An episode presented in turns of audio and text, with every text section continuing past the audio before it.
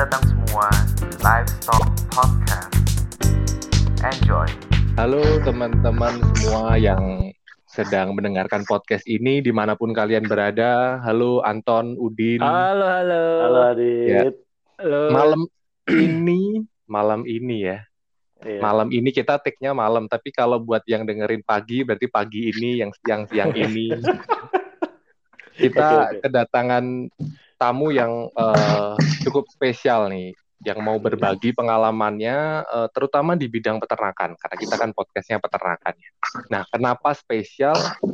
Karena tamu kita yang salah satu tamu kita ini, dia adalah tamu eh, narasumber kita wan- yang pertama seorang wanita gitu. Dulu kan kita cowok.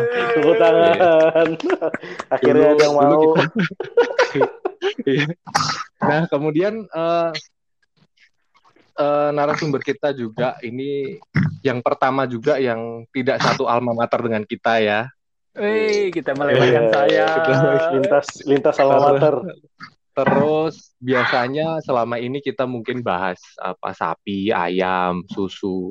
Tapi kali ini eh, tamu kita berkecimpung di dunia peternakan, tapi yang lain nih. Tapi nanti kita tanya deh.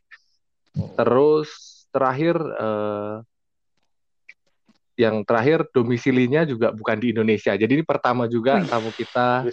Lintas negara Seorang- podcastnya ya. Wes, iya. Eh, hebat hebat. Kita dari Nah. luar Indonesia nih jangan-jangan. Tapi kita bahasa Indonesia ngomong ya. Ya Iya. udahlah. Nah, langsung aja kita sapa tamu kita. Halo Kori. Halo, Halo. halo Halo. Kari. Halo Kori, bagaimana kabarnya? Sehat ya? Puji Tuhan sehat. Iya.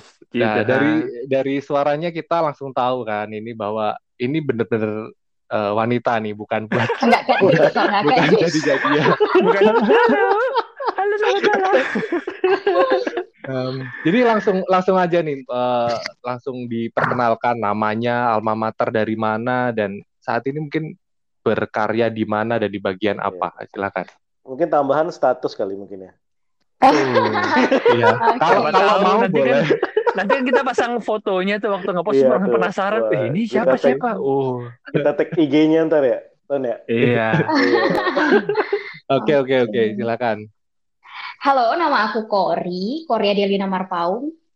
Eh, Hmm. lulusan dari Institut Pertanian Bogor. Sekarang kerja di Java Compete Vietnam. Em, Mhm. spesifiknya sekarang sih aku di research ya, R&D. Iya. tim, tapi Oke. eh, sebelumnya di Artificial Insemination Center. Mhm. Hmm. Di di kalau boleh tahu di divisi atau di bidang apa yang nanganin apa nih? Kori. Oh, ininya ya, eh, komoditi ya, Komoditinya ya, swine business. swine. Jadi peternakan babi. Wah, luar ya. Ini jarang-jarang kita bahas babi ini. Ya. Karena ini Indonesia, jadi memang jarang banget ya. Iya. Tapi sebenarnya oke-oke aja. minor. Oke-oke aja sebenarnya itu. Iya, Dan banyak Dulu yang dulu kita praktikum babi juga kan di di Vapit juga ada praktikum Aku malah nggak kenal. Iya. Iya. Kalian aku juga aku ya. dengar UGM UGM pernah ya, eh, Hmm. beberapa teman alumni UGM itu ya mereka praktekum gitu. Aku malah di Bogor tuh nggak kita nggak pernah praktek. Hmm. Padahal- gitu. Seru Padahal, praktek padahal itu banyak seru. juga ya. Iya ya. Jadi Hmm. jadi gini teman-teman, eh, aku kenal dengan Kori ini di Pulau Bulan. Jadi Pulau Bulan itu letaknya kira-kira sebelahnya Pulau Batam. Hmm. Nah, jadi meskipun kalau di peta ya kita lihat pulau ini itu pulau terbesar kedua di Batam, tapi pulau ini itu penduduk Kepulauan utamanya Riau bukan maksudnya. manusia. Iya di. Kepulauan Riau. Cuman pulau ini tuh eh, penduduk utamanya bukan manusia tapi babi. Ada sekitar 200 200 kelurahan sampai bisa. 300 ribu ya. Iya nggak sih Kori?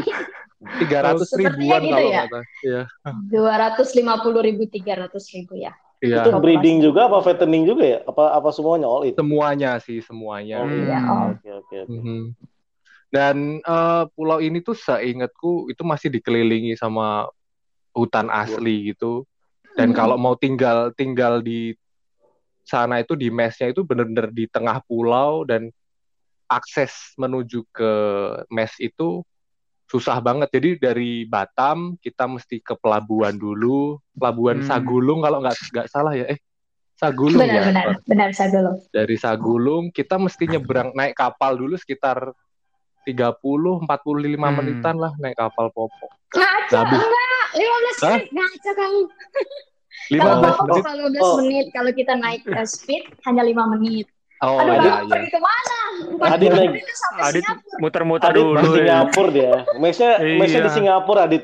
Iya. Pesan pesan Nggak, gua- bawa Gua plastik dulu Nggak, ada tapi ada ada GoBot nggak dulu? Iya, Go? iya.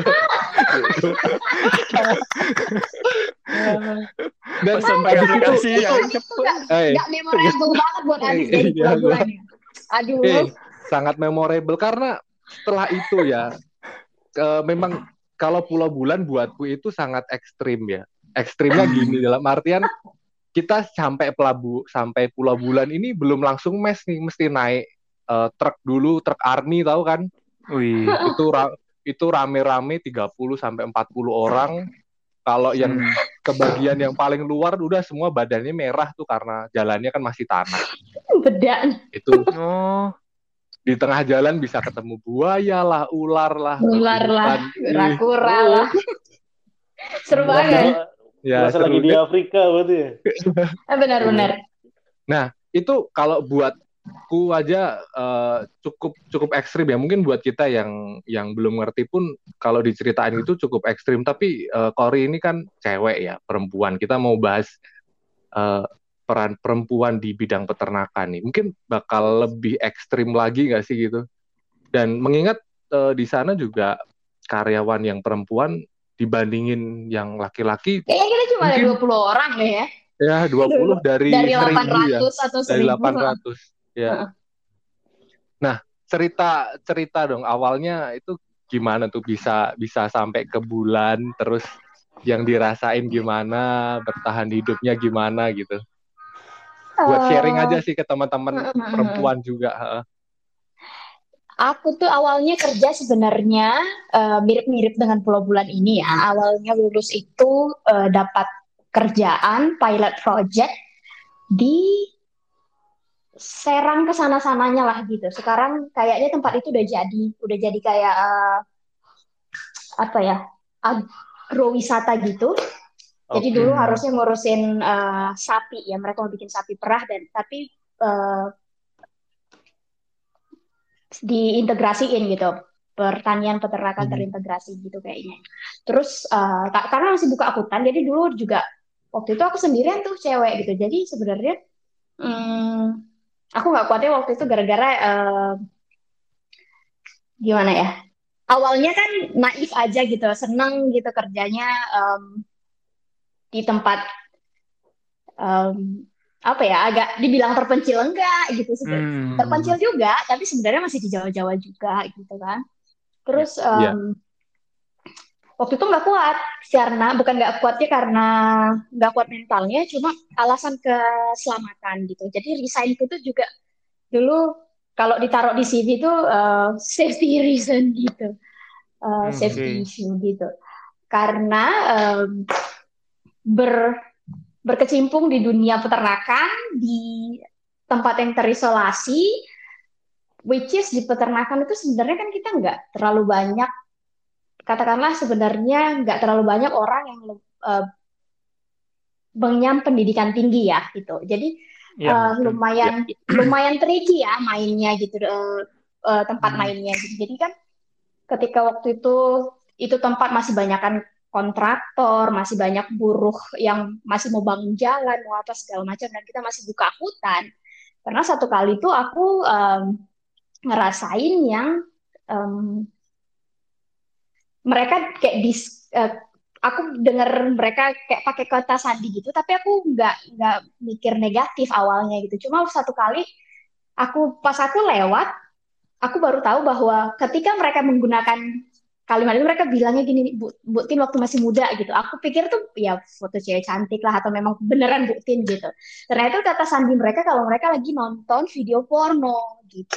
Jadi kan Hmm. Oh, wow. itu yang ya. bikin aku gini mati nih gue gitu kan itu hutan di eh, di Banten gitu kan which is banyak mistiknya Iya. banget masih waktu itu Hmm. juga dengar-dengar kayak mak kita punya mandor yang bisa angkat besi gede banget sendirian dan gitu-gitu aja sebenarnya kayak oke nice gitu tapi itu sih turning pointku gitu resign Hmm. eh, aku pesan sama si ibu itu eh, yang eh, komisarisnya saya nggak lanjut ya Bu, ini probationnya gitu. So, eh, kenapa Kori saya ceritain? Karena aku ceritain concernnya. Kayaknya sebelum eh, project ini settle, kayak eh, kalau boleh kasih masukan sih Bu, jangan hire cewek ya. Saya agak-agak ngeri gitu Nah itu ya. dari itu Ini itu tadi kan nger- melihat dari udah ngeri ya. sebagai cewek terjun di dunia Oke, peternakan ya. tuh awalnya Oke, seperti oke, itu oke. gitu rasanya gitu. Hmm.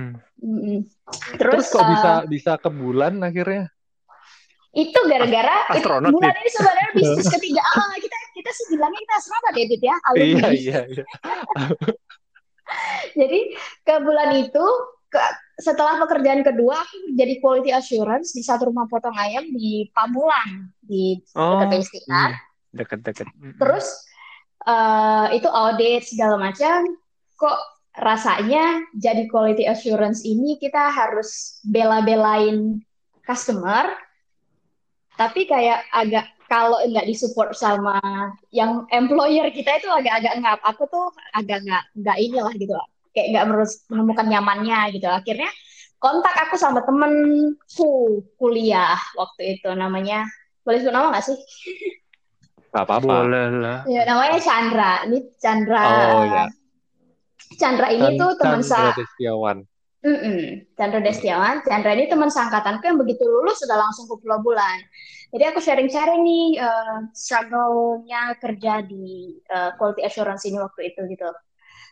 Terus dia bilang, wah gila, nggak pernah nih gue kerjaannya kayak gitu, gitu. Maksudnya di sini nggak nggak pernah stres itu, gitu. Eh, ya udah, terus waktu itu selesai audit pertama yang aku harus tanganin, aku submit eh, surat resignku, terus aku resign, aku kirim deh surat lamaranku ke Pulau Bulan gitu. Terus aku cabut dari itu tempat gitu kan. Sampai lah ke Pulau Bulan yang eh, dia bilang, oh di sini gampang kok gitu. Kita eh, apa ya? Memang tinggal di hutan segala macam. Hutannya tuh nggak pernah jadi masalah sih buat aku gitu. Karena memang Hmm. agak-agak bolang sih akunya juga gitu. Cuma ketika Hmm. cerita karena ada pengalaman pertama yang seperti itu kan di hutan juga. Dan ini kan sudah eh, nggak nggak pilot project lagi. Ya, Pulau Bulan sudah itu settle itu ya. sudah eh, sudah established kayaknya 20 tahunan ya sebelum aku join. Hmm. gitu. Jadi Hmm. jadi udah ada sistemnya gitu dan resmi.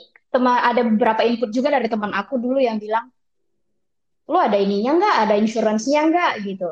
Waktu itu terima gaji aja waktu kerjaan pertama itu cash gitu kan. Jadi di tempat yang risky kayak lu itu tuh jangan cuma mikirin eh, kayak jangan anggap kayak pelayanan aja gitu. Kamu lu tuh sekarang profesional gitu. Jadi kalau lu kenapa kenapa gimana Hmm. ininya gitu. Apa cukup Ya, nggak ya. ada duit yang lu terima untuk insurance lu gitu-gitu kan. Dan Ya. eh, itu it helps a lot lah gitu ya buat mikir oh iya ya jadi cari yang lebih lebih stable lagi gitu. Hmm. Gitu makanya sampai ke Pulau Bulan. Hmm, Di. Pulau Bulan berapa lama tuh total? Kerja di sananya ya? Iya. Tiga sedikit lebih dari tiga tahun. Oh, iya. iya. Nah, di Pulau Bulan itu kan ya tadi ya dari 800 eh, karyawan, 800 sampai 1000 karyawan, yang perempuan cuman sedikit dan apalagi lo kan eh, kerjanya di produksi kan, bukan di kantor Benar, kayak benar, benar. HR atau Nah, itu Hmm. eh, gimana tuh di Kayaknya malah di- enak ya produksi di daripada. HR ya. Soalnya kalau HR kan ngurus-ngurus nih cowok-cowok malah lebih bingung ya. Kalau produksi kan yang jadi jadi karyawan yang kita malah nggak banyak ya. Gitu. Menarik sih gitu. Banyak enaknya sih sebenarnya nggak tahu ya. Sebenarnya banyak enaknya Oh, tapi gitu nih ya. eh, minusnya eh, kayak kayak yang aku ceritain tadi mostly ya sekitar-sekitar itu eh, safety issue Hmm. gitu. Karena eh, ya kalian lah ya gitu. Kita kayak disarang sarang buaya kan. Hmm. Suara Dan yang buaya tinggal di gimana, Pulau? Bulan itu kan single ya. Buaya. tahu tuh. nih. Jadi kalau kita mau tinggal di Pulau Bulan itu kita single. Kalau kita Oh. fa- punya family, tinggalnya di luar, di luar pulau Iya, gitu. iya. Kalau kita mau tinggal Oh. sama family kita gitu. Jadi mostly single gitu. Jadinya ya dan nggak punya hiburan, nggak ada apa-apa kayak gitu. Jadi lumayan eh, Hmm. juga safety in the- in in a sense Hmm. that uh, di tengah-tengah kerumunan para pria Iya. dan binatang-binatang liar Hmm. yang Banyak Iya. buaya lagi sana liar ya kan Baik. tadi nggak cerita tadi ya di, di Pulau Bulan itu juga ada peternakan buaya Iya, iya, Ah. betul, betul, dan ada buaya-buaya liar gitu karena kabarnya dulu kayak nggak tahu itu kabar doang Pernah apa gimana pernah tapi banjir pernah, katanya. pernah banjir jadi buaya-buaya pernah lepas gitu yang kita Jadi buaya Jadi darat di mana-mana. Eh, eh, sepulau kan kita nggak tahu ya itu buaya masih gitu kan ya ya seru seru kok di situ nggak sebenarnya sebagai eh, di luar dari concern safety sebenarnya nggak nggak banyak nggak Mhm. begitu banyak challenge-nya gitu lumayan Oh. lumayan pengertian ya Ba- banyak tertolong sebenarnya gitu Iya, iya. Selama buaya tiga tahun. Buaya darat Gimana, yang biasanya pengertian sih. Ya kayaknya gitu juga karena memang ada banyak sih Nah. Jadi kan ada ada keuntungannya ya bisa pakai charmnya cewek gitu untuk tolongin ini dong mas gitu sama karyawan. Iya. Oh. Iya dan biasanya punya punya punya privilege ketika naik truk bisa dapat di depan tuh Tempat bareng duduk. supir kan tempat Ah, duduk. ah, ah, ah. Dasar Sedangkan yang buaya-buaya. Tapi Sedangkan kalau yang enggak, cowok- tapi kalau kita banyak, karena kan kayak tadi aku bilang ada 20. Biasanya kita turun ini berapa? Kita bilangnya turun ya. Kalau kita ke Batam itu kita sebutnya turun, kalau balik ke bulan itu kita bilangnya naik, Naik. gitu kan. Kalau kita Hmm. turun nih, itu kan suka berbondong-bondong. Tempat di, tempat duduk di di truk itu cuma ada du- cukup buat dua tiga orang kan. Itu juga udah tumpuk-tumpuk gitu di di depan gitu. Hmm. Jadi kalau kita agak banyak kan, ya tertumpuk-tumpuk lah kita sama cowok-cowok lain di belakang berdiri. Dan itu biasanya kalau Adit tahu nih karena kita gereja kan.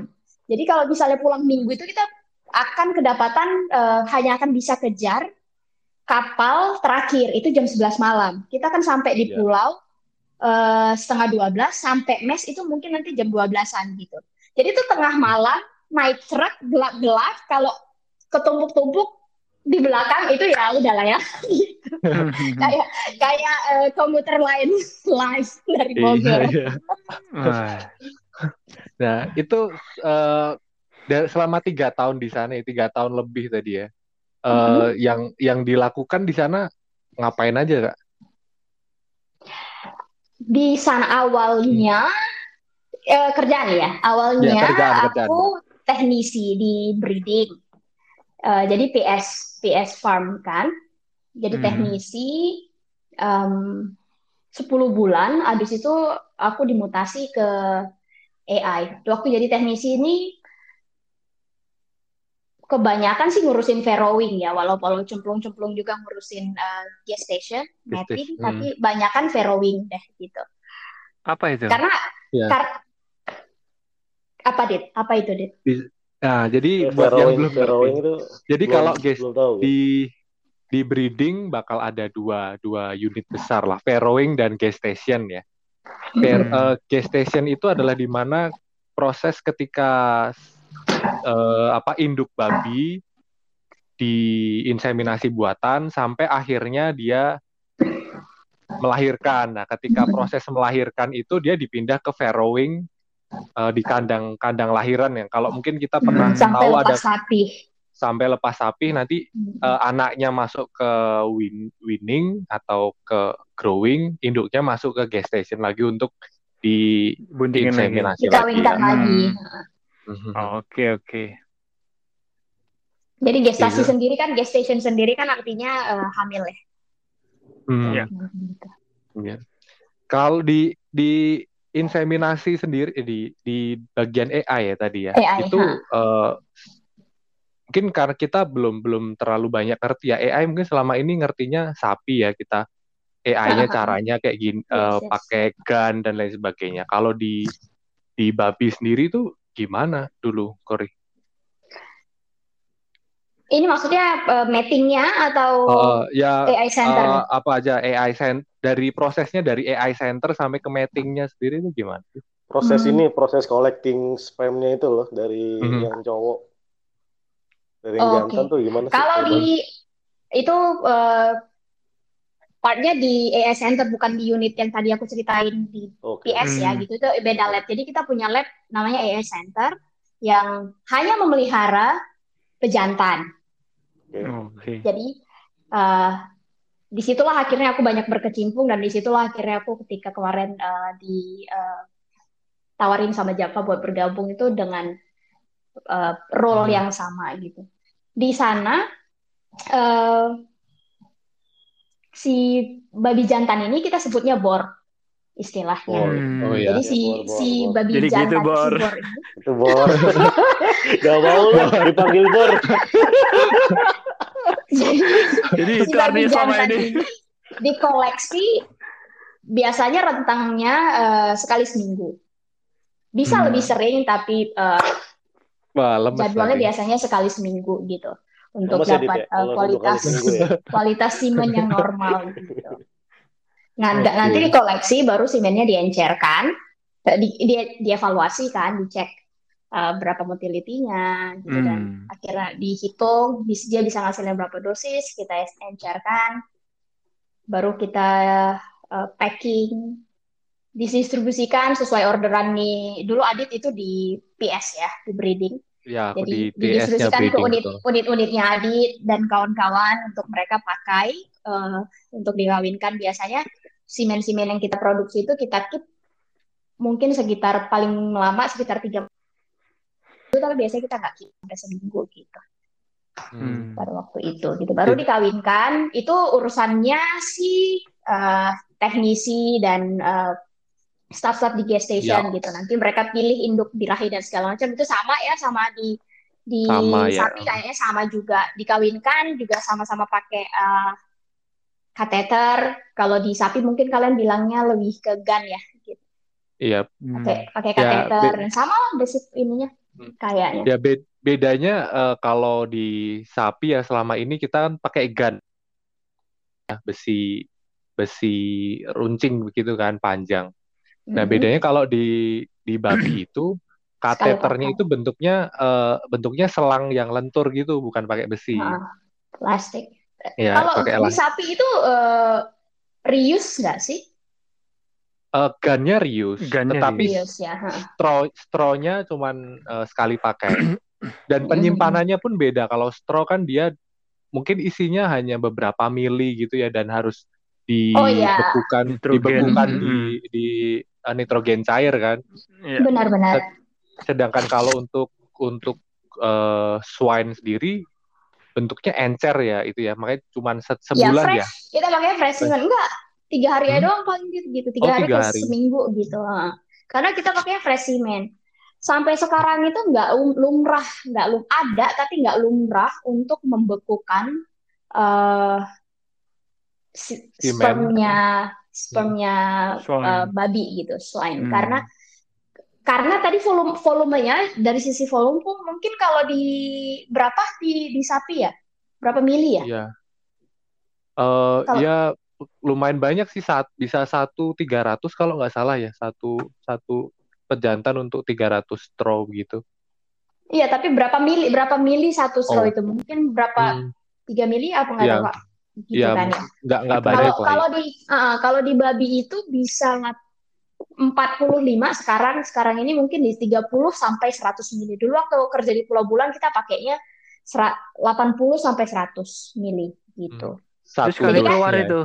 satu nggak satu keluar ini satu dosis yang kita Oh. encerkan. Kalau sekali keluar itu tergantung itu bisa eh, yang kita koleksi ejakulasinya ini bisa 100 sampai eh, bahkan kadang-kadang ada yang setengah liter kok gitu. Tapi konsentrasinya nanti yang bervariasi ya gitu. Shit man. Oh. Mm-mm. Jadi pokoknya tapi itu bisa menghasilkan eh, 20 sampai em, let's say 40 50 eh, dosis, Dosis. tergantung kita mau Hmm. pakai berapa Konsentrasi. konsentrasi dan Ya, berapa ya. mili gitu. Nah, tapi untuk satu dosis yang kita pakai untuk mengawinkan ini yang udah jadi ini udah di extend, Hmm. udah diencerkan itu isinya empat se yang orang-orang pakai itu sekitar 30 sampai lap nggak tahu ya masih ada kan nggak ya sekarang yang pakai 100 gitu tapi mungkin eh, sekitar segitu deh gitu jadi banyak Iya, iya. gede Hmm. gitu nah ini kalau kalau pakai nitrogen cair ngedingininnya lama towingnya lebih lama lagi. Towingnya lama, gitu iya, kan. iya. Kalau Ini- towing takutnya malah nanti sebagiannya lebih rusak gitu sebelum Iya. seluruhnya eh kena Mencair. tow gitu kan. Ha. Gitu. Makanya itu nggak lumrah gitu karena karena dari sisi volumenya tadi itu udah udah beda ya, udah beda banget. Hmm. Gitu. Mhm. Iya, Iya. fresh lah Nih, lebih. dapat dapat ilmu jaga. baru nih, bener-bener. Jadi Iya. tiap ayam beda, babi beda, sapi beda, itu ya, Benar, benar. bener sih. Kalau ayam itu mah ay- ayam Nggak di bisa. juga kan? Ayam Nggak nggak nggak bisa nggak nggak bisa disimpan karena dia kan pengeluarannya satu lubang yang sama, kotoran, eh semuanya jadi Oh, keluar kan jadi satu. kontaminasinya ini Iya ya. betul Iya. kontaminasinya makanya belum ada teknologi yang bisa bikin semen ayam tuh bisa bertahan lebih dari Hmm. ya satu hari aja mungkin udah kontaminannya bisa bakterinya bisa nambah gitu kan. Atau kalaupun Hmm. mau extend ya harus ini ya, pakai antibiotiknya jadi banyak malah jadi nggak safe ya, nggak nggak berani. Betul. Iya. Hmm. Ya, jadi terus itu kalau kalau tidak diencerkan penyimpanannya suhu berapa itu biasanya? Suhu chilling kah atau Kita harus Suhu- diencerkan, harus diencerkan sih kalau nggak diencerkan, kalau nggak diencerkan suhu ruang eh dalam aku nggak tahu berapa lama ya sebenarnya Hmm. gitu, tapi dalam 30 menit satu jam itu udah signifikan sih ininya eh, si oke. sperm yang matinya gitu. Hmm. Karena kan eh, karena karena kaya kan banyak sekali spermnya di situ gitu. Walaupun walaupun eh, 200 mili itu tuh padat gitu, dense dense banget gitu. Hmm. Mm-mm. Oke, jadi selama tiga tahun tadi 10 bulan pertama adalah di di Farrowing. teknik farrowing, kemudian eh, setelah itu bulan ke-11 sampai tahun ketiga ya. Terus terus ada di AI Enggak, Center. enggak terus sih. Aku waktu itu Hah? sampai promote jadi supervisor di eh, kayaknya masuk tahun ketiga itu loh. Tahun kedua deh. Tahun kedua nggak lama dari tahun kedua. Karena kan tahun kedua kita permanen ya, Dit. Iya, harusnya yang review kontrak itu. Nah, di situ aku promote supervisor itu nggak lama aku pindah lagi. Kayaknya dua setengah dua tahunan lah paling waktu itu ya, dua tahun Mhm. sekian lama yang jadi ini. Aku pindah lagi ke eh, breeding lagi. Jadi eh, Hmm. masuk waktu itu jadi breeding supervisor. Terus jadi urus gestation sama Oke, ya, ya. sama Jadi farrowing. berarti selama tiga tahun tapi paling lama berarti di AI paling Center lama ini sih. paling lamanya dia ya. Nah, Iya. Yang akhirnya membawa eh, kamu dari Pulau Bulan bermigrasi lah Mm-mm. Iya. ke Java, Vietnam ya. Iya, Di- masih masih di bidang masih masih saya masih saya masih di bidang bahwa swine. Java Vietnam punya swine gitu ya kalau nggak Tahu karena tahu gitu dari mereka dari awal. Nah itu awalnya gimana tuh bisa bisa tahu di sana terus pendaftaran ke sana gimana tuh? agak-agak lucu sih ya itu sebenarnya ini Hmm. waktu itu em, promote jadi supervisor terus pindah ke aku pindah ke fase eh, ke farm A waktu itu eh, farm B ya Eh, farm B kayaknya Eh, fase farm- satu waktu itu di baru aku Hmm. jadi supervisornya mereka di sana di AI AI satu terus Hmm. em, ditransfer jadinya ke, ke breeding gitu. Waktu ditransfer ke breeding karena eh, iseng-iseng sebenarnya aku mau tapi mungkin Aidit tahu ya gimana gimana kadang-kadang ada ada lika-liku ada cheating-cheating kayak gitu-gitu. Iya. Jadi nggak Hmm. nggak nggak ini gitu kan. Terus mulai-mulai kayak aku dulu sebenarnya nggak pernah kepikiran sih untuk cari pekerjaan lain eh, di luar Pulau Bulan kalau eh, sektornya masih masih private sektor ya, masih swasta gitu. Aku pikirannya dulu kayak kalau misalnya lanjut kuliah atau kalau misalnya keterima PNS gitu. Dulu kami sering juga tes tes PNS rame-rame dari Iya, Pulau iya, Bulan iya. itu pernah gimana lagi coba. Tapi nanti kita obrolin kalau misalnya ada kesempatan di luar ini. Terus eh, ganti li- update LinkedIn aku waktu itu. LinkedIn aku update jadi eh, supervisor breeding. Baru dia dapat notis-notis gitu waktu itu. Kayak sebenarnya Hmm. Java lagi cari. Biar bagaimanapun memang Java kayaknya kalau mau cari orang Indonesia yang punya pengalaman di bidang Hmm. peternakan babi, kandidat terbesarnya adalah untuk cari orang-orang dari Pulau Bulan ya nggak? Iya. Iya, mana lagi. Itu paling gampang, eh, paling gampang gitu. Itu posisi Adit Gitu. udah hengkang belum tuh? Belum. Oh, Belum. Kor- ko- Kori dulu pergi, Kori setelah dulu. itu baru eh, enam bulan kemudian ya. Lu, cari-cari. Desem- lu de- Desember ya, Iya. Kor ya. Aku Januari ya joinnya, tapi aku deal Januari. deal kayaknya dari Oktober apa ya. Mhm. Nah, eh, lu pergi, Anton ngasih tahu kabar ke gue kalau eh, ada ada Java juga yang di Sapi di Mhm. Cina waktu itu terus daftar ya. Jadi selisih Mhm. enam bulan lah. Dikira Ya dikira waktu bos Risan Adit masih di masih di Pulau Bulan kan ya? Masih. Eh, tapi nggak betah Adit gitu rasanya Adit partner- pasti. Partner ngajar ngajar private gue waktu Iya. mencari sesuap nasi nggak tahu Iya, itu iya. apa ya Oh Eh. iya Dit, ya ampun. Lu pernah iseng ngitung gitu Dit ya private itu. Iya. Iya dulu kita pernah dulu ngajarin anaknya bos Iya, Adit Iya, Oh. dulu kita kita eh, kita berdua pernah eh, diminta untuk ngajarin ini eh, anak saya SMP waktu itu kalau nggak salah mau ujian Mm-mm. nih eh, tengah tahun Hmm. depan gitu. Tolong ajarin dong. Oh, buat ujiannya oke lah Pak, saya bisa matematika, Tori bisa bahasa Inggris, terus kita ngelesin. Adit yang ditawarin tapi Adit tuh nggak mau tanggung jawab bahasa Inggrisnya gitu jadi ngajak-ngajak Iya kan waktu itu bahasa Inggris gue belum terlalu bagus. Iya. Nah setelah itu eh eh, ya aku ngajak ngajak Kori terus akhirnya ya udah kita seminggu dua kali kalau nggak salah Senin Kamis ya atau kayaknya gitu ya eh, atau eh, eh, Selasa Selasa Kamis kali ya Setiap malam ke kota ngajarin ngelesin terus pulang di kapal terakhir jam 11 tengah gitu malam lah tengah malam. Oke. Iya benar gitu. Dit. terus terus Ya lumayan lah ya. eh itu cuma cuma itu pengalamanku mengajar Dit Dit itu ngajar itu aku juga pertama kali jadi ya, tapi tapi seru lah kita kita apa ada Tahu kegiatan lain ya ada kegiatan jadi lain nggak selain cuma pulang kerja pulang kerja terus eh, membusuk di Kumes. di mes nunggu Iya, makan lumayan Iya, iya. Nah, terus terus gimana itu? Lanjut lagi ceritanya ke Vietnam ok- eh, di Januari ya berangkat ya. Januari 2016 nah. Hmm. Terus di Vietnam eh, apa-apa aja tuh kegiatannya? Langsung kerjakah dan se- seingatku kamu pernah di training juga ke Barcelona kalau nggak salah ya. Wih. ke oh ya ke ke Spain Cardona sih Oh, Ah, ke Cardona. Jadi dari Barcelona Barcelona masih kayak satu setengah jam atau dua jam ikut Mhm. Itu Hmm. awalnya awalnya tadi udah cerita waktu masuknya ya. Terus di sana sendiri kerjaannya sama kan- nggak sih? hiringnya itu breeding supervisor gitu ya waktu itu Hmm. discussnya terus kita eh, di interview lulus berangkat sampai di sini di brief Eh, Hmm. gini kayak oke kalian belajar ya gitu. Eh, belajar semua aja gitu yang mana-mana nanti fokusnya eh, gimana di mana kalian ngerasa bisa ber- ber- berkembang mana kalian interest baru nanti kita pikirin kayak gitu kan. Nanti kalian bisa ini pilih di situ gitu. Jadi awalnya dikasih kesempatan untuk belajar banyak gitu ceritanya. Tapi waktu itu eh, country manajernya juga bilang tapi kayaknya kalau buat Cory kayak hampir nggak ada pilihan ya gitu. Kayaknya soalnya kita butuh nih orang AI gitu. Padahal hire-nya nggak buat AI nih gitu.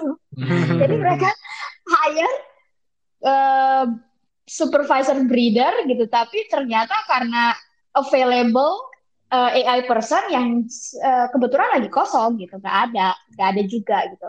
Orang Indonesia nggak ada yang orang lokal nggak ada juga orang Indonesia gitu kan. Karena waktu itu di Swan kita cuma punya satu orang orang Indonesia gitu di sini gitu. Hmm. terus eh, ya udah eh, dari awal hmm, didatengin ini aku sebenarnya. Lumayan sih.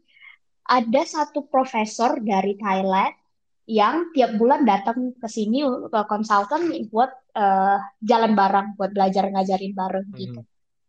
Terus em, AI-nya di sini tuh kalau di Pulau Bulan kan Dit, kita kan satu unit deket-deketan sama unit-unit yang lain gitu Iya, kan. satu Terus, komplek betul. Heeh, jadi nggak susah ya gitu. Jadi makanya waktu itu kita di Pulau Bulan punya 14 unit, tapi AI Center kita cuma punya dua gitu kan. Kalau di sini kita nggak sebut AI Center waktu aku datang gitu karena eh, cuma ada karena setiap unit punya lab gitu. Itu Hmm. karena tempatnya berjauhan ya setiap masing-masing Mm-mm. unitnya. Kak, Dan memang stylenya Vietnam sih kayaknya begitu ya. Jadi mereka punya bor sendiri. Jadi all in one semua. Jadi Borstar ada di situ, eh, gas station di situ, eh, Ferrowing di situ gitu. Jadi makanya satu unit itu ada satu staff nanti nih yang handle AI gitu. Lumayan Oke, ini, oke. lumayan eh, dan biasanya AI ini dipegang sama cewek nih kalau di di, di Vietnam Hmm. gitu. Oh, Jadi eh nggak eh, di training hampir hampir setahun. Kendalanya di sini adalah eh, turnover tinggi gitu karena ya kayak tadi cuma ada satu orang di satu lab.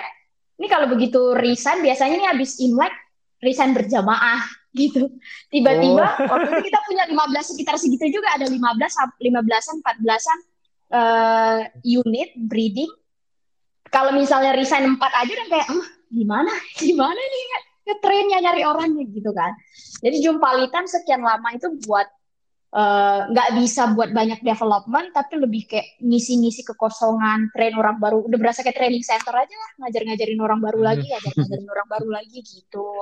Tapi karena rencana jangka panjangnya adalah untuk punya AI center gitu yang baru Hmm. terjadi di 2019 gitu. Jadi di 2019 kita build AI center maunya eh, as much as po- possible itu automatic gitu. Jadi Hmm. em, waktu itu sebelum eh, barang-barangnya datang ke sini, sebelum instalasi, akhirnya aku berangkat ke Spain untuk em, belajar di di salah satu lab yang direkomendasikan sama partner kita di sini. Kita punya joint venture kan, gitu direkomendasikan di Hmm. sini dan eh, ya itu deh makanya bisa waktu itu sampai ke ke Spain gitu, sampai ke Hmm. Cardona. Berapa Hmm. lama itu? Tiga minggu doang sih.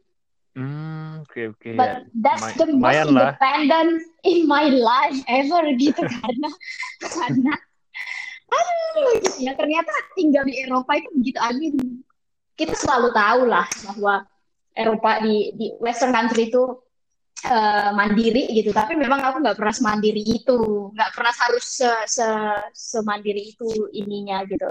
Di tempat di suatu tempat. Karena kerjanya juga lumayan nih. Ternyata lab di sana itu modelnya borstatnya macam-macam ada di mana-mana. Terus tapi mereka kirim nanti ejakul ejakulannya ini eh, semennya ini ke satu lab utama untuk mereka eh, recheck lagi kualitinya baru packing baru dari satu lab inti ini di main office mereka ini baru mereka share ke seluruh eh, oh, customer-customer oke. mereka gitu.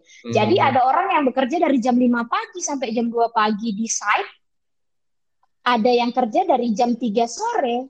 Eh tadi aku bilang jam 5 sampai 2 pagi ya, sore. Jam 5 pagi Iya. sampai jam 2 so- siang kan ya, ya sore. Dari jam 3 Hmm. sore ada yang kerja sampai jam 11 malam, kayaknya sekitar gitu untuk eh, collect eh, untuk cek lagi kualitinya, packing dan eh, distribu distribusi gitu. Hmm, Nah, jadi untuk melihat karena kan aku dulu jadinya head of AI center ya aku harus belajar sistemnya ju- semua ini gitu bukan hanya bukan hanya bagaimana mengoperasi maksudnya bukan hanya familiarize myself dengan alat-alat labnya gitu tapi kayak gimana nih mereka maintainnya gitu Eh, Hmm, sistemnya kita belajar. gimana juga. gimana Hmm. mereka manage delivery-nya segala macam jadi Iya, iya, dari iya. depan sampai belakang harus tahu. Nah, itu tuh bangun jam 5 pagi, beres kerja jam 11 malam, masih harus masak makanan sendiri, harus nyuci pakaian sendiri, bersihin rumah sendiri. Ya kerja sendiri kayak gitu-gitu. Oh, Itu iya, iya, iya. Adit, maksudnya lu tahu lah Adit gimana kita di Pulau Bulan ininya gitu Iya. ya. Kita cuma mikirin nyuci baju aja nanti gitu kan. Cuma itu Mhm. PR-nya kita di Pulau Bulan gitu. Karena kita dikasih Iya, iya. makan ya apa gitu-gitu. Iya, iya, iya, iya. Dan nggak punya mobil aku. Karena kan nyetir nggak ada juga, jadi harus nyetir-nyetir kan gitu-gitu ya. Dan aku nggak punya SIM waktu itu, nggak punya cukup waktu untuk urus segala macam itu. Karena berangkatnya Hmm. juga dadakan, hampir tidak berangkat. Jadi kayak hari ini berangkat, hari ini baru tahu pasti akan aku berangkat gitu.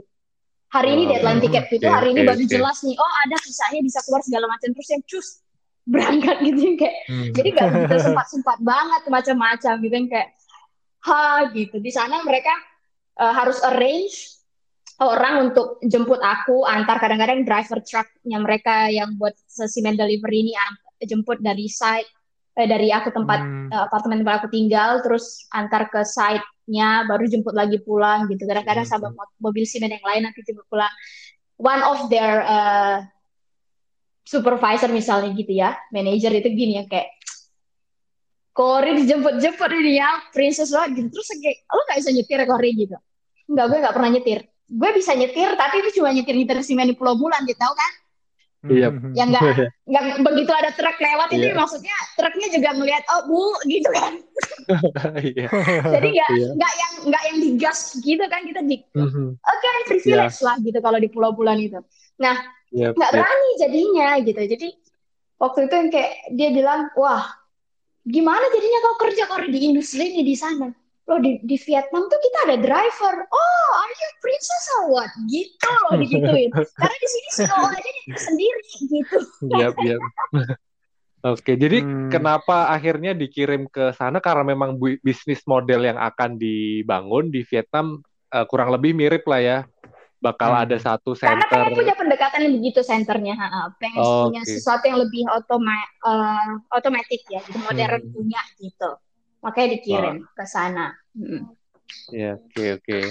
Keren, once in a keren. lifetime abis Mhm. itu covid Oh iya, COVID Iya. akhirnya eh, industri babi di Vietnam, China, setauku tahun lalu atau dua tahun yang lalu terdampak sangat sangat besar kan itu gimana terus bertahannya industri di sana? Kayaknya COVID tidak begitu mempengaruhi eh, swine Hmm. business sih, se- se- Hmm. sejauh ini di sini. African swine fever yang benar-benar nampar ya dulu. Oh Tapi itu kan iya, sudah lebih benar. dulu, itu lebih Ah, dulu ah, dari ah, COVID. ah. Jadi Iya iya, sebenarnya betul itu lumayan tuh. Hmm. Ketika- ya. Iya. mm-mm, ketika African swine fever eh, datang itu lumayan pontang-panting karena African swine fever is COVID for human, Mhm. right? Gitu, nggak ada vaksinnya gitu. Jadi Hmm. eh, hal yang harus dilakukan adalah satu-satunya cara hanya biosecurity memang harus kencang gitu, diketatin banget gitu. Jadi eh Keren pada pakai masker gitu. enggak, maksudnya harus dijaga, nggak ada caranya selain dijaga di luar gerbang begitu, karena begitu Hmm. masuk habis gitu loh. Hmm. Jadi dia nggak boleh nggak boleh Hmm. sampai masuk aja intinya gitu. Begitu Iya, masuk kan iya. langsung yaudah lah we lost this farm Yap. gitu. Jadi eh, biosecurity itu kan memang gongnya peternakan ya sebenarnya. Mhm. Iya. Jadi apalagi swine ini kalau Adi tuh nggak bilang tadi kenapa Pulau Bulan itu di satu pulau tersendiri? Ya ini karena dia punya bisnis babi, nggak bisa dia di ini gitu, nggak nggak nggak dia eh, cari amannya begitu, dia beruntungnya begitu sih gitu. Jadi eh, geografisnya sendiri tuh biosecurity-nya dia yang paling inilah gitu pilarnya gitu paling menguntungkan Iya, dia. iya, iya. Nah, sementara Hmm, kita ya. di, di, di sini enggak, kita berbatasan dengan China, berbatasan dengan Kamboja.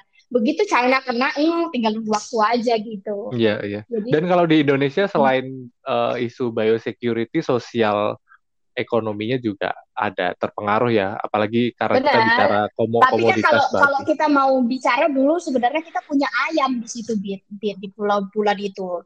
Tapi gara-gara Hmm. nggak bisa nih, nggak hand on hand, eh, nggak hand to hand sama eh, babi kan akhirnya ayamnya di close, babinya diterusin kan. Hmm. Iya, iya, iya. Mm-mm. Oke, jadi dari Gitu. dari AI akhirnya pindah lagi nih sekarang ya. R&D, R&D kita banyak sih sebenarnya karena baru banget. Habis itu Oh, oke. aku baru pindah, aku baru pindah terus COVID gitu. Aku belum punya, aku baru Hmm. jalanin satu research, satu research kita lainnya di pending gitu gara-gara kita nggak bisa travel. Eh, di sini kita udah terakhir kayaknya Juni ya eh, ngantor. Awal Juni. Juni gitu. Ha-ha. Jadi sampai sekarang kita belum ngantor lagi. Hmm, Udah tiga bulanan gitu. iya, iya. Kalau yang eh, mungkin tadi memang belum belum banyak risetnya, ya, tapi kalau yang sudah pernah dikerjakan satu itu eh, boleh cerita nggak? Tujuannya itu kayak gimana gitu?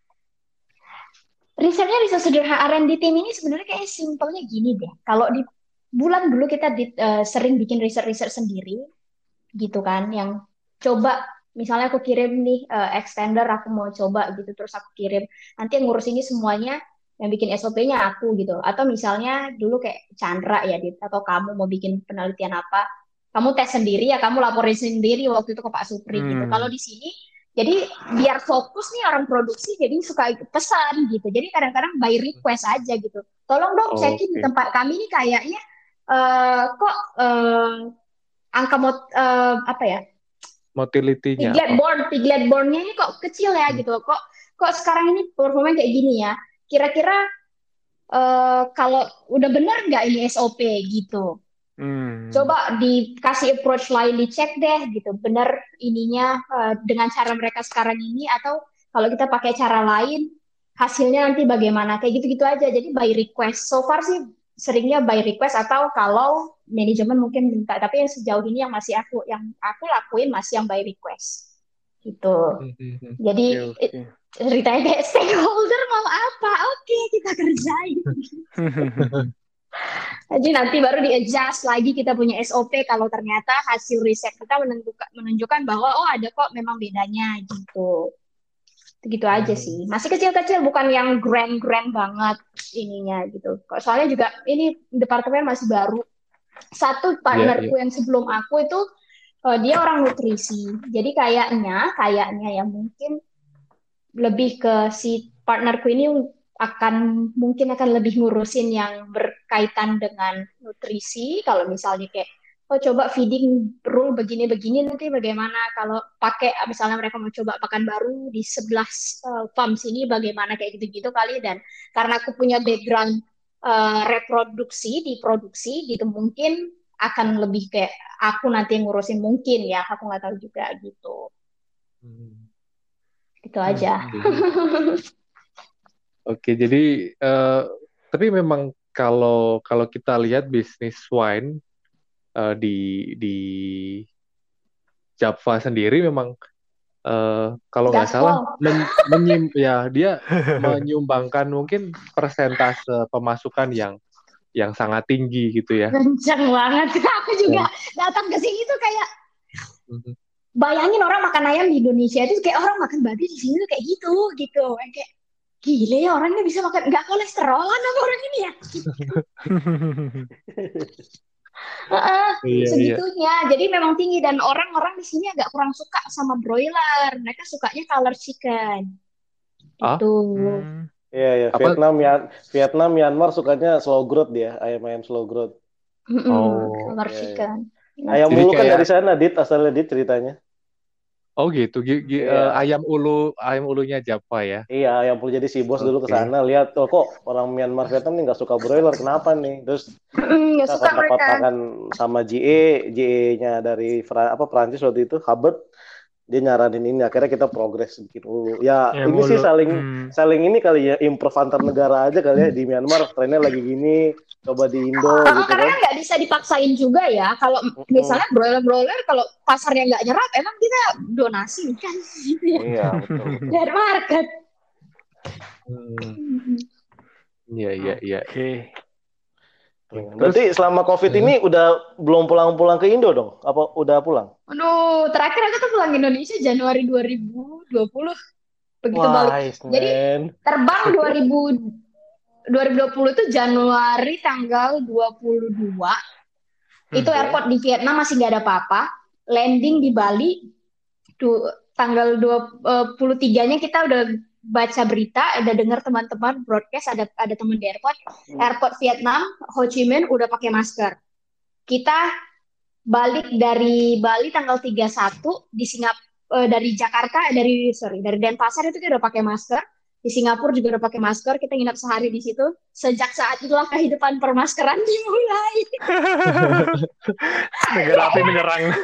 Iya. Itu Januari Januari 2021 ya? 2020. 2020. 2020. Jadi udah satu setengah tahunan. Udah dua Viet-. Vietnam lebih lebih awal mereka apa eh, Langsung, langsung. Soalnya kan deket ya, Eh. Cina. Iya iya. Indonesia kan baru Maret kalau nggak salah ya. Iya. Sebenarnya awal. Indonesia Maret April. ya nggak tahu lah ya. Tapi Indonesia beneran baru apa baru mengakui? Baru ketahuan, baru mengakui. Gue Desember tuh baru ke Taiwan itu kemarin yang tahun 2000 itu. 2019-nya. 2019. I- iya 2019 pokoknya hampir tahun baru di sana terus akhirnya bisa bisa pulang gitu. Tapi belum ada berita-berita Covid sih, belum ada masker juga waktu itu. Hmm. Hmm. Di sini Iya. Maret lah sebenarnya. Dari 2020 udah bermasker-masker gitu, tapi nggak semuanya. Jadi Maret tuh mulai mulai mulai lockdown kayak Hmm. di sini waktu itu. Iya. Jadi cepet. Vietnam sih, Karena memang Vietnam Vietnam cepet ya. ya. Kenceng, Dari Vietnam kenceng itu. banget. ha. Mm-mm. Nah, itu itu yang ke- kemarin beritanya kalau nggak salah Vietnam yang paling bagus kalau nggak salah penanganannya. Itu Iya, bedanya sebelum bedanya dengan Delta Indonesia. menyerang. Oh Awalnya. iya iya. Oke. Awalnya sebelum itu bedanya bedanya apa dengan menyerang.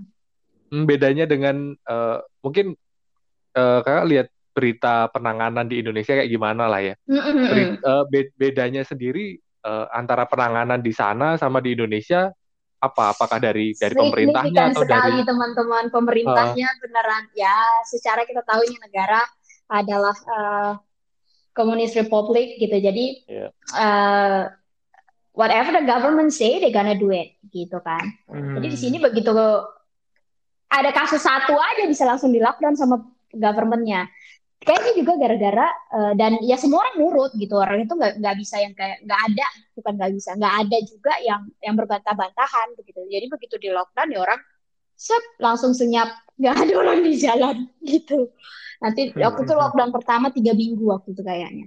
Sepertinya karena Vietnam pun sudah berpengalaman dengan SARS. Jadi di samping memang mereka Oke. eh, government bilang apa mereka nurut, mereka juga sudah pernah pengalaman dengan SARS, jadi mereka yang kayak tahu juga kali ya waktu itu kayak oh ya gitu, they know what they are doing gitu, we better we better Iya, follow iya, this one gitu. Ya, be- Tapi memang beberapa beberapa karena negara karena yang- mereka nggak tahu selama ini ya kebelakangan ke sini mulai ada lah orang-orang komplainnya. Tapi di awal-awal tahun 2020 itu memang orang-orang manut aja sih, manut banget dan dan yang kita satisfied banget. Beberapa temanku yang Vietnam juga never in my life I feel so proud of my country gitu karena memang berhasil banget mereka gitu kan. Hmm. Waktu itu mereka target government itu cuma begini. Mereka selama mungkin akan menjaga angka di bawah seribu.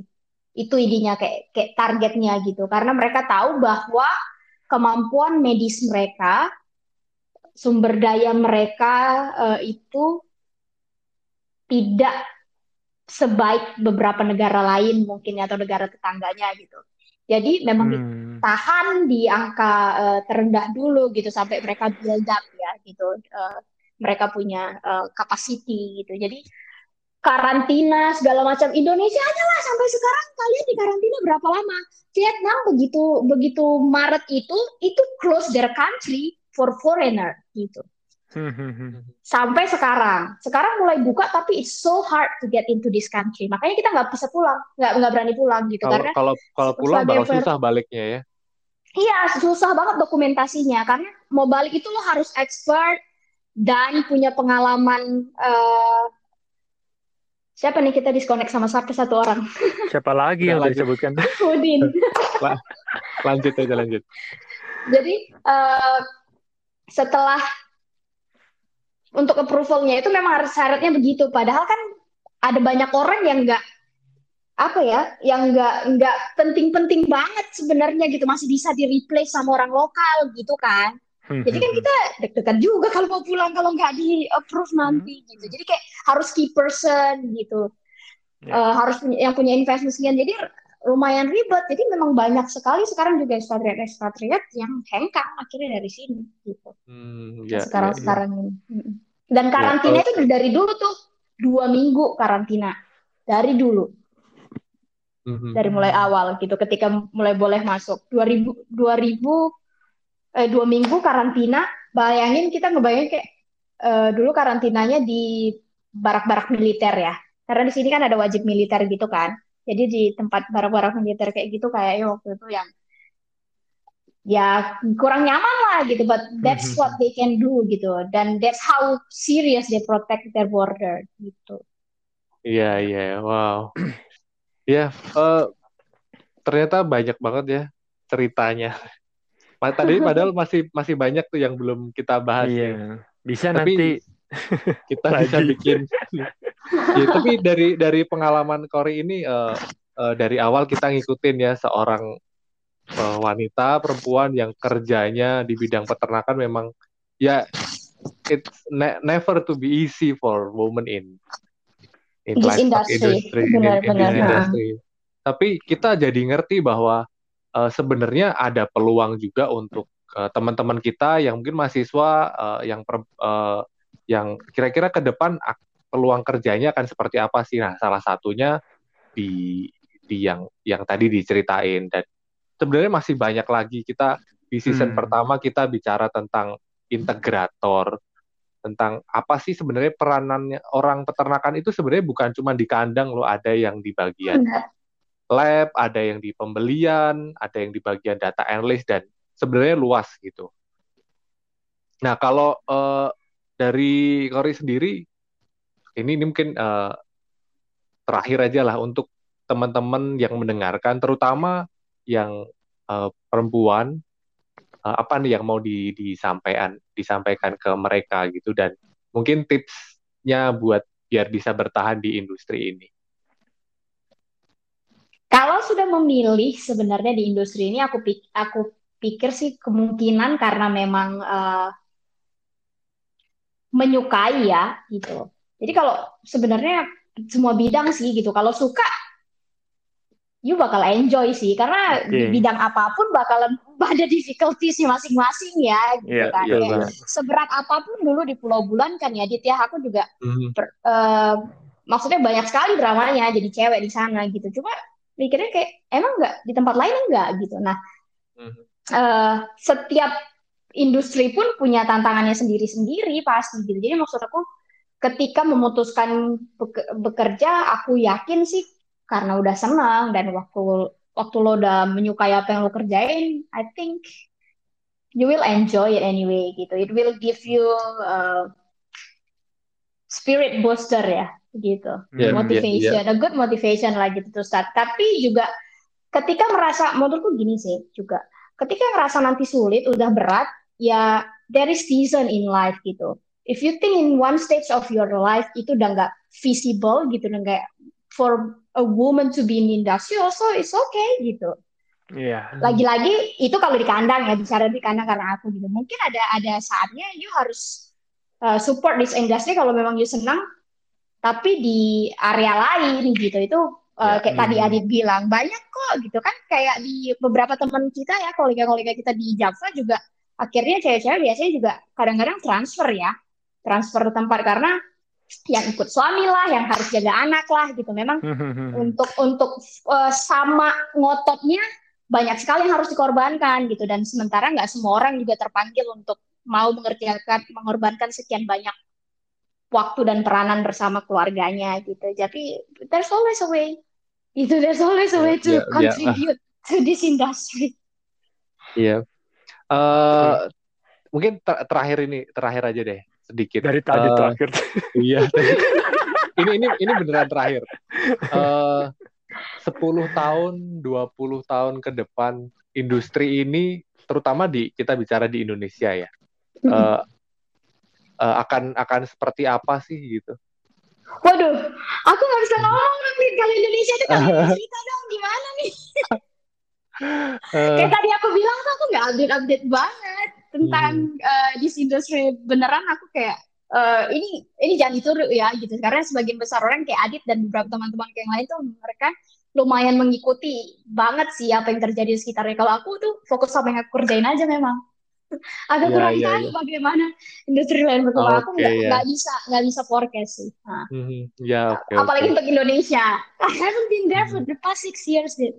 Iya, iya. Kita kita eh, sebenarnya punya kita punya pandangan jauh tentang industri ini bahwa kita industri peternakan yang notabene menyediakan bahan pangan untuk eh, manusia kan, yang tentu saja kita akan selalu dibutuhkan sampai selama manusia itu masih ada. Tapi pertanyaannya Hmm.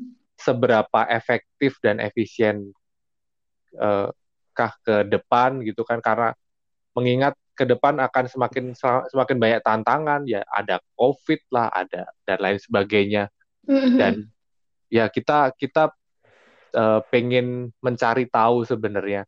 Eh, visi kita pengen mencari tahu ke depan itu akan seperti apa dan kita mesti gimana. Dan sejauh ini kita selalu mendapatkan bahwa ke depan ini eh, peternakan nggak bisa dikelola dengan cara yang tradisional ya. Kayak tadi eh, AI center udah nggak lagi manual seperti dulu tetapi harus ada teknologi yang berperan di dalamnya Iya, so itu Menurut- sebagai semua teknologi itu juga sebenarnya kayaknya karena memang this thing is gonna be just get bigger and bigger gitu. Makanya Yep, yep. eh, itu kan karena skalanya diperbesar makanya perlu otomasi ya. Kalau kita ngelihat Mhm. kalau kalau nggak mau dikembangkan ke mana-mana ya di di maintain aja segitu gitu kan dengan dengan investment yang sama gitu. Itu karena dibikin besar begitu. By the way ini rencananya nih juga eh, kan kita udah punya dua lab di sini. Tahun depan nih kita mau bikin lab yang kapasitasnya hampir 10 kali dari lab yang Wow. kita buat di 2019 gitu. That's how Hmm. huge these things gonna go. Iya. Itu kita cuma bicara Java gitu kan. We have Iya. competitor gitu. Ya, Jadi ya, Berarti kan karena analisa bisnisnya memang this will still grow gitu. Iya, Ya, marketnya masih iya. belum terpenuhi semua juga. Benar, Masih, heeh. Hmm, Mhm. Oke, oke. Ya, oke.